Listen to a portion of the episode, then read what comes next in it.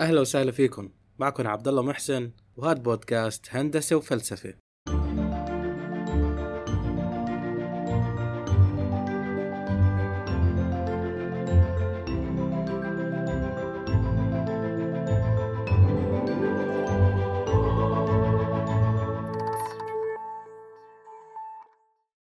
خلينا نبلش حلقة اليوم بهالمقطع ونرجع. أبغى أتكلم ببساطة عن مكتب الذكاء الاصطناعي وموضوع الذكاء الاصطناعي وليش تم تأسيسه. في أكتوبر 19 2017 تغيرت حياتي. كنت إنسان عادي مثلي مثل أي واحد في الشارع وتوقعت انه في حياتي بمر خطوات كثيرة لما بوصل لمنصب وزير. وتوقعت انه يعني ما بوصل وزير لما يطيح شعري وتبيض لحيتي. ولكن يعني اتصال غير حياتي. الاتصال هذا كان يا عمر في موضوع مهم نبغيك تقوده في دوله الإمارات وكان موضوع الذكاء الاصطناعي. المقتطف اللي سمعناه هو جزء من كلمة لأول وزير دولة للذكاء الصناعي في العالم الوزير الإماراتي عمر سلطان العلماء. يا ترى ليش ممكن أنه دولة عندها إمكانيات مالية ومخزون بترولي عالي تفكر بإنشاء وزارة للذكاء الصناعي هل هو مجرد تعيين شكلي أم أنه بالفعل الذكاء الصناعي مهم لهالدرجة؟ هذا اللي رح نحكي عنه أكثر من خلال حلقات هالبودكاست. خلينا نحاول نقرب معنى الذكاء الصناعي. لأنه أحيانا في ناس أول ما تسمع بهالكلمة بتصير بتفكر بأفلام الخيال العلمي وسيطرة الآلات على كوكب الأرض.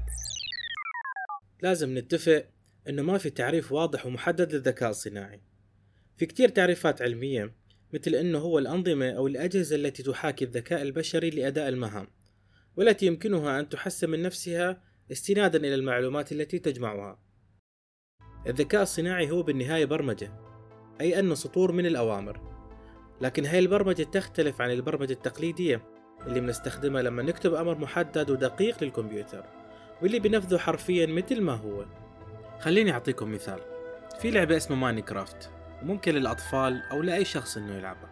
بيكون عندك شخصية صغيرة والمطلوب منك تحريك الشخصية لتوصل إلى نقطة معينة فيها مثل صندوق كنز.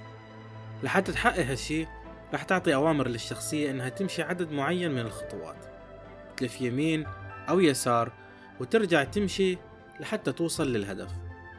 الشخصية راح تنفذ الأوامر حرفيا وفي حال وجود عائق أو جدار ما راح تعرف تتصرف. وبالتالي أنت لازم تتدخل وتصحح الأوامر. بالذكاء الصناعي الموضوع مختلف والبرمجة معقدة شوي بس الفكرة الأساسية بتضل بسيطة. مين فينا بتذكر كيف يتعلم المشي؟ هل في حدا علمك وقال لك إنك لازم ترفع رجلك اليمين بعدين اليسار وإنك تضل متوازن وكل هاي التفاصيل اللي بتتعلق بالحركة؟ أتوقع الجواب واضح كلنا تعلمنا المشي والكلام عن طريق المشاهدة والتقليد شفنا أهالينا كيف بتحكي وكيف بتمشي وصرنا نقلدهم ومع الوقت صارت عملية المشي أو الكلام شي ما منفكر فيه بس منعمله الذكاء الصناعي هو محاولة من البشر لجعل الآلة تفكر بطريقة ذكية.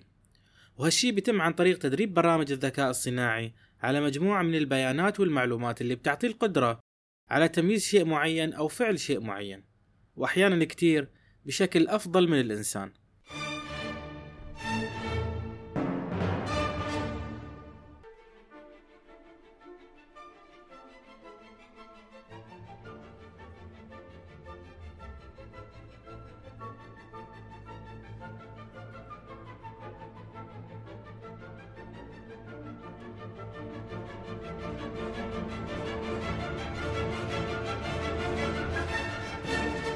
سيمفونية بيتهوفن التاسعة من أهم الأعمال اللي قدمها الفنان العالمي بيتهوفن. مع العلم أنه بيتهوفن كان فاقد سمعه أثناء تأليفها أغلب النقاد بيتفقوا على أنه هذا العمل من أعظم أعمال الفنان. هي إذا ما كان أعظم عمل موسيقي في التاريخ الفني. بس لطالما كانت الموسيقى أكثر من مجرد مزج بين أصوات الآلات الموسيقية. دائما كان إلها معاني توصل لكل شخص بطريقة مختلفة مثل الفرح والحزن والخوف. لكن زيادة على ذلك أحيانا بيكون في طبقة إضافية للمعنى. المقطع اللي سمعناه من سيمفونية بيتهوفن التاسعة هو نسخة تم عزفها من قبل مجموعة من المؤلفين والملحنين من مختلف أنحاء العالم. واللي اجتمعوا ببرلين عام 1989 بعد هدم جدار برلين. هون صار في سمة إضافية للمقطوعة. سمة الحرية. الإبداع والأحاسيس والمشاعر هي غالبا الدافع وراء مختلف الفنون اللي تميز فيها الإنسان عن باقي المخلوقات. بس هل هالشي ما زال قائم في زمن الذكاء الصناعي؟ بيير بارو كونه مهندس ومن عائلة فنية بتحب الموسيقى قرر يعمل ذكاء صناعي. uh, سماه إيفا. قادر على تأليف الموسيقى من خلال قراءة أكثر من 3000 نص موسيقي إيفا بياخذ أجزاء من المقاطع الموسيقية وبيحاول إنه يتنبأ بالنوتات الموسيقية اللي لازم تجي بعدها. هذا الشيء بيشبه الإنسان لحد كبير لأنه الإنسان كمان بيبدأ عن نقطة وبيحاول ينطلق منها للمجهول عن طريق التجربة والخطأ. وشئنا أم أبينا حتى الموسيقى اللي بيألفها الإنسان واللي بنشوفها عملية بلا قيود بتكون مقيدة بأنماط معينة ونوتات بيتقبلها الإنسان باللاوعي. وإلا رح يشعر إنه في نشاز. الذكاء الصناعي عن طريق قراءة آلاف النصوص الموسيقية بيحاول يكتشف هاي الأنماط. وبعدها وبعدها بس بتصير عنده القدرة على تأليف الموسيقى. أعطوني دقيقة من وقتكم وخلينا نتأمل هالمقطوعة من إيفا.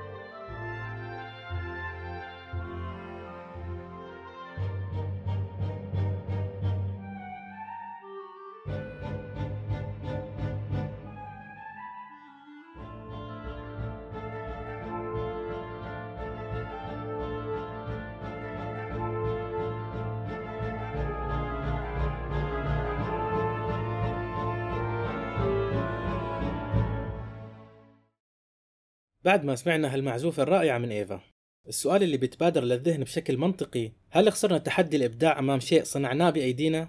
يعني إذا كان الذكاء الصناعي قادر على تأليف الموسيقى فشو هو الشيء اللي بيضمن إنه ما راح يقدر يأخذ منا كل شيء بالمستقبل؟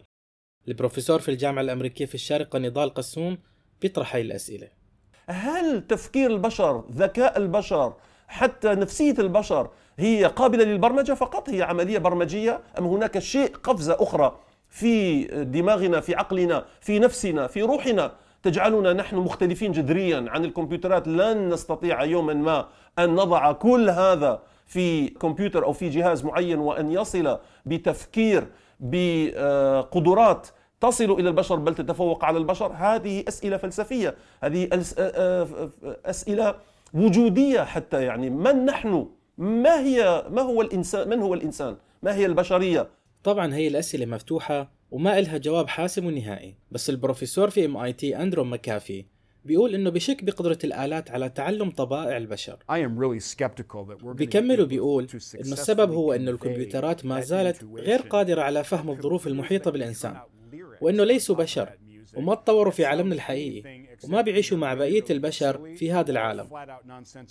ورغم قدرة الكمبيوتر على تقليد الإنسان في كتير أمور لكنه غير قادر مثلا على وضع كلمات ذات معنى مناسب على الموسيقى اللي بيألفها حتى الآن. على عكس الشعراء والكتاب اللي بيفهموا حالة الإنسان ونفسيته وبيعكسوا هالشي عن طريق كتاباتهم.